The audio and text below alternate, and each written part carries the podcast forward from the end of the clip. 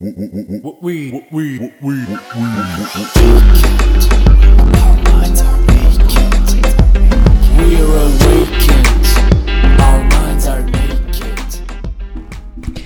svima, ja sam Martina Đokić, a vi slušate podcast Mentalni nudista. Nalazimo se u epizodi broj 66, sezone 2. I u ovoj epizodi govorit ću malo o tome da li opraštate ili opravdavate i na koji način ja vidim razliku između ta dva pojma i kako sam ja na teži način naučila šta je razlika između ta dva pojma. Pa hajde da krenemo. opraštati, mislim da je svima već jasno šta znači oprostiti, a to je krenuti od toga da prvo e, shvatimo da svi mi ljudi nismo savršeni i da nema načina da niko, i kod nas bude ikad savršen i da prosto prije svega naučimo da priznamo svoje nesavršenosti i naučimo da oprostimo sami sebi svoje greške, jer ukoliko to negdje e, razvijemo i naučimo da, da, da činimo, na taj način imamo kapacitet i da praštamo drugima i da negdje e, drugim ljudima omogućimo da ostanu u našem životu tako nesavršeni i da ih prihvatimo tako nesavršene i prosto eh,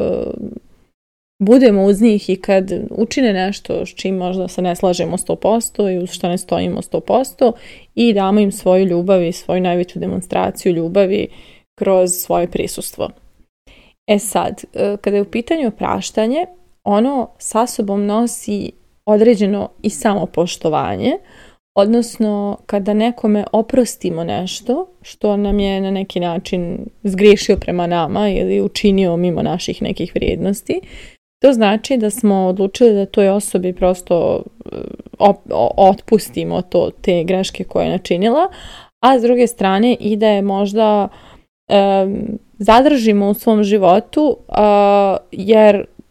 da kažem, taj oproštaj ne narušava nas i naše potrebe i ne čini da smo mi pregazili preko svojih granica da bismo nekom pružili taj oproštaj i ostali uz njega.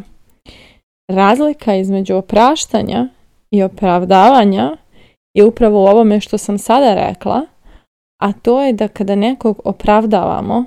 za stvari koje je načinio i zadržavamo ga u svom životu, mi to činimo preko svojih granica, odnosno opravdanjem pokušavamo da sačuvamo neki odnos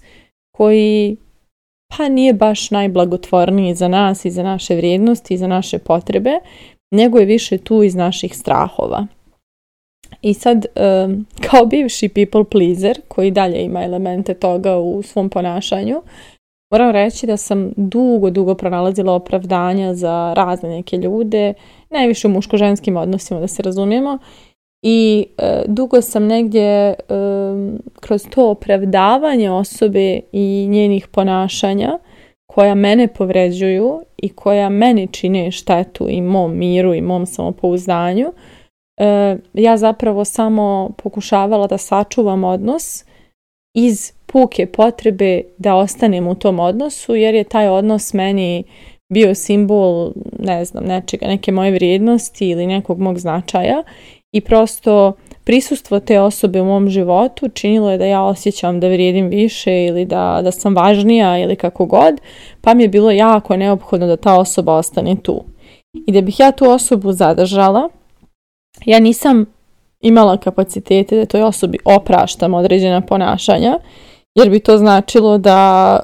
čujem i svoje potrebe, pa onda nađem mjesto za oprost, odnosno oprostim ponašanje, ali možda tu osobu smjestim na neko mjesto gdje ne narušava moje granice i kažem, ok, evo sad mi nisi dečko, možeš da mi budeš, ne znam, prijatelj ili šta god, ali ovaj, um,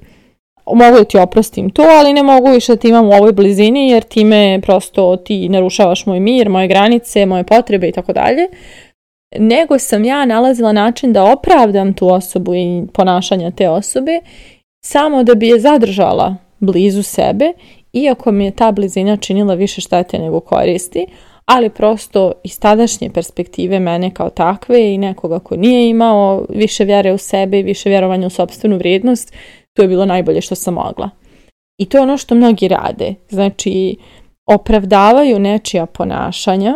da bi time tu osobu zadržali u svojoj blizini i time, da kažem, opravdali to što su odlučili da zadrže tu osobu u svojoj blizini, iako je preočigledno da ta osoba narušava i granice, i mir, i vrijednosti gazi i svašta nešto čini, naravno zato što ima neke svoje povrijeđenosti i neistiljenosti, ali u svakom slučaju ta osoba narušava nas ili tog nekog, a mi je opravdavamo jer mislimo da bez nje nećemo moći, jer nešto što je nama potrebno, neka naša potreba je u našoj perspektivi i u našim nekim idejama data toj osobi. I ako ljubav te osobe nije prisutna u našem životu, nebitno sad partnerska, prijateljska, roditeljska, čije koja god, mi ćemo osjećati da vrijedimo manje i mislit ćemo da vrijedimo manje i onda nam je jako potrebno da ta osoba nekako ostane tu pa po cijenu toga da je moramo stalno opravdavati i stalno pronalaziti izgovore za ta ponašanja koja čini, a koja očigledno nisu baš naj najdivnija jer prosto ako nemamo opravdanje ne znamo kako da je zadržimo, kako da drugima objasnimo zašto je ta osoba tu. I jako puno ovakvih situacija ima oko nas svuda i svako od nas možda u svom životu ima nekog koga opravdava,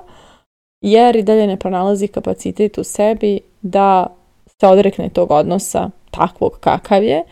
i prosto pomjeri osobu tamo gdje joj je mjesto, gdje neće više moći da narušava naš mir ili naš sklad ili naše granice,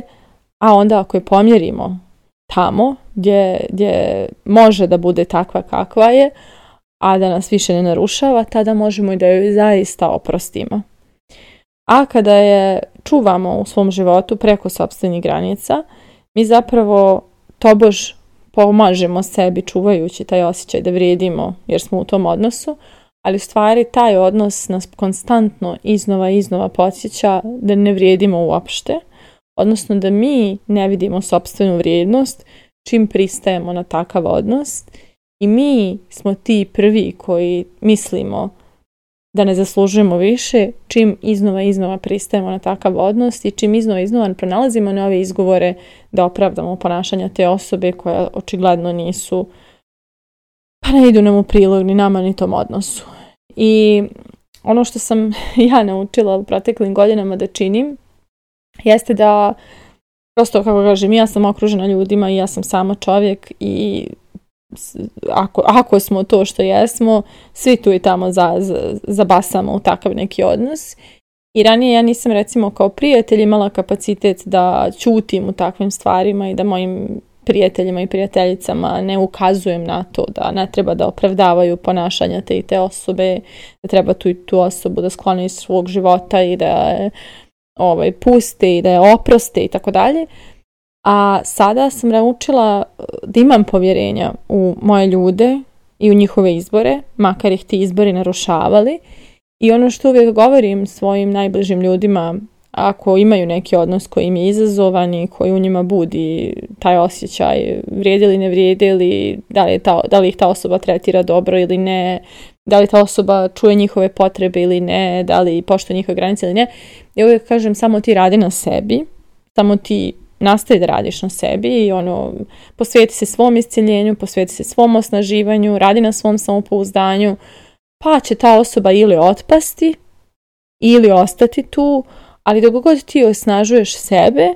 ja sam sigurna da ćeš ti biti na pravom putu, pa ono, ako ti taj odnos služi, ostaće tu, ako ti ne služi, neće više biti, prosto tvoja vrijednost će biti u tebi i neće ti trebati taj odnos da ga čuvaš po svaku cijenu da bi osjećao ili osjetila sobstvenu vrijednost. I to je neki recept koji svima sada govorim. Znači, ok, nekada nam je stvarno neophodno da budemo u nekim odnosima koji možda nisu po našim nekim idejama i mjerilima. Nekad nas nešto vuče da obavimo to neko odigravanje i da pristanemo na manje nego što želimo, da istrpimo neke stvari koje ovako nam se čini da nikad ne bismo istrpili, da prosto pustimo da nam se neke granice prijeđu za koje smo ranije mislili da nikad ne bismo dozvolili. I prosto nekad svi moramo da prođemo kroz sve to. I to je ok. Okay. svega se nauči nešto. Mislim, ne postoji neki odnos koji nanosi neka dobra učenja,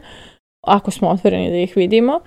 A, ali sve što nas vuče je naša lekcija i naš put i naša tema u ovom trenutku. Samo je važno da u svom tom procesu nastavimo sebe da gradimo i radimo na sebi i da se osnažujemo i da prevazilazimo svoje neke, da kažem, i bagove i strahove i nesigurnosti i obrazce nekorisne i toksične i svašta nešto. I prosto u jednom trenutku kada dovoljno stasamo i kada neko naše samopouzdanje dostigne dobar nivo,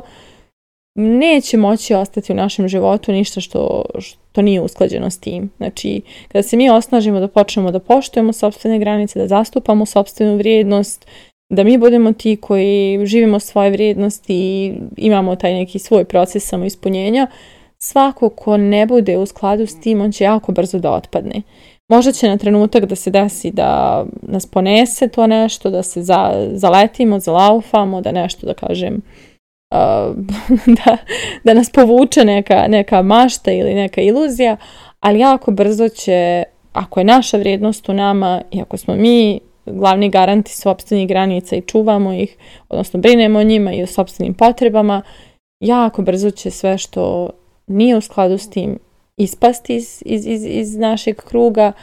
i prosto nećemo imati potrebu da opravdavamo ičija ponašanja, da ikog štitimo iako se ne osjećamo dobro u njegovom prisustvu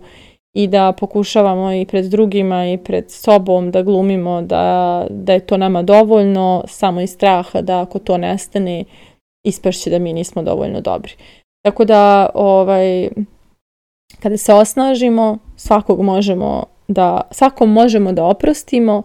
i da ga smjestimo na ono mjesto u životu gdje nam je on takav kakav je sasvim okej okay i e, onda je sve što nam ostaje da opraštamo ljudima i ne moramo više nikog da opravdavamo jer ne trebaju nam opravdanja zato što imamo sobstvenu vrijednost pa e, ne treba, ne treba drugog da štitimo da bismo tu svoju vrijednost nekako dobro, rekla sam već sve, ali da bismo tu svoju sobstvenu vrijednost kao podigli na viši nivo prisutom nekog drugog ajde se ne ponavljam, sve jasno. Tako da, moje pitanje za kraj ove epizode je da li ljudima u svom životu opraštate ili postoji neki koje stalno opravdavate. Mislite o tome, a mi se družimo u narednoj epizodi.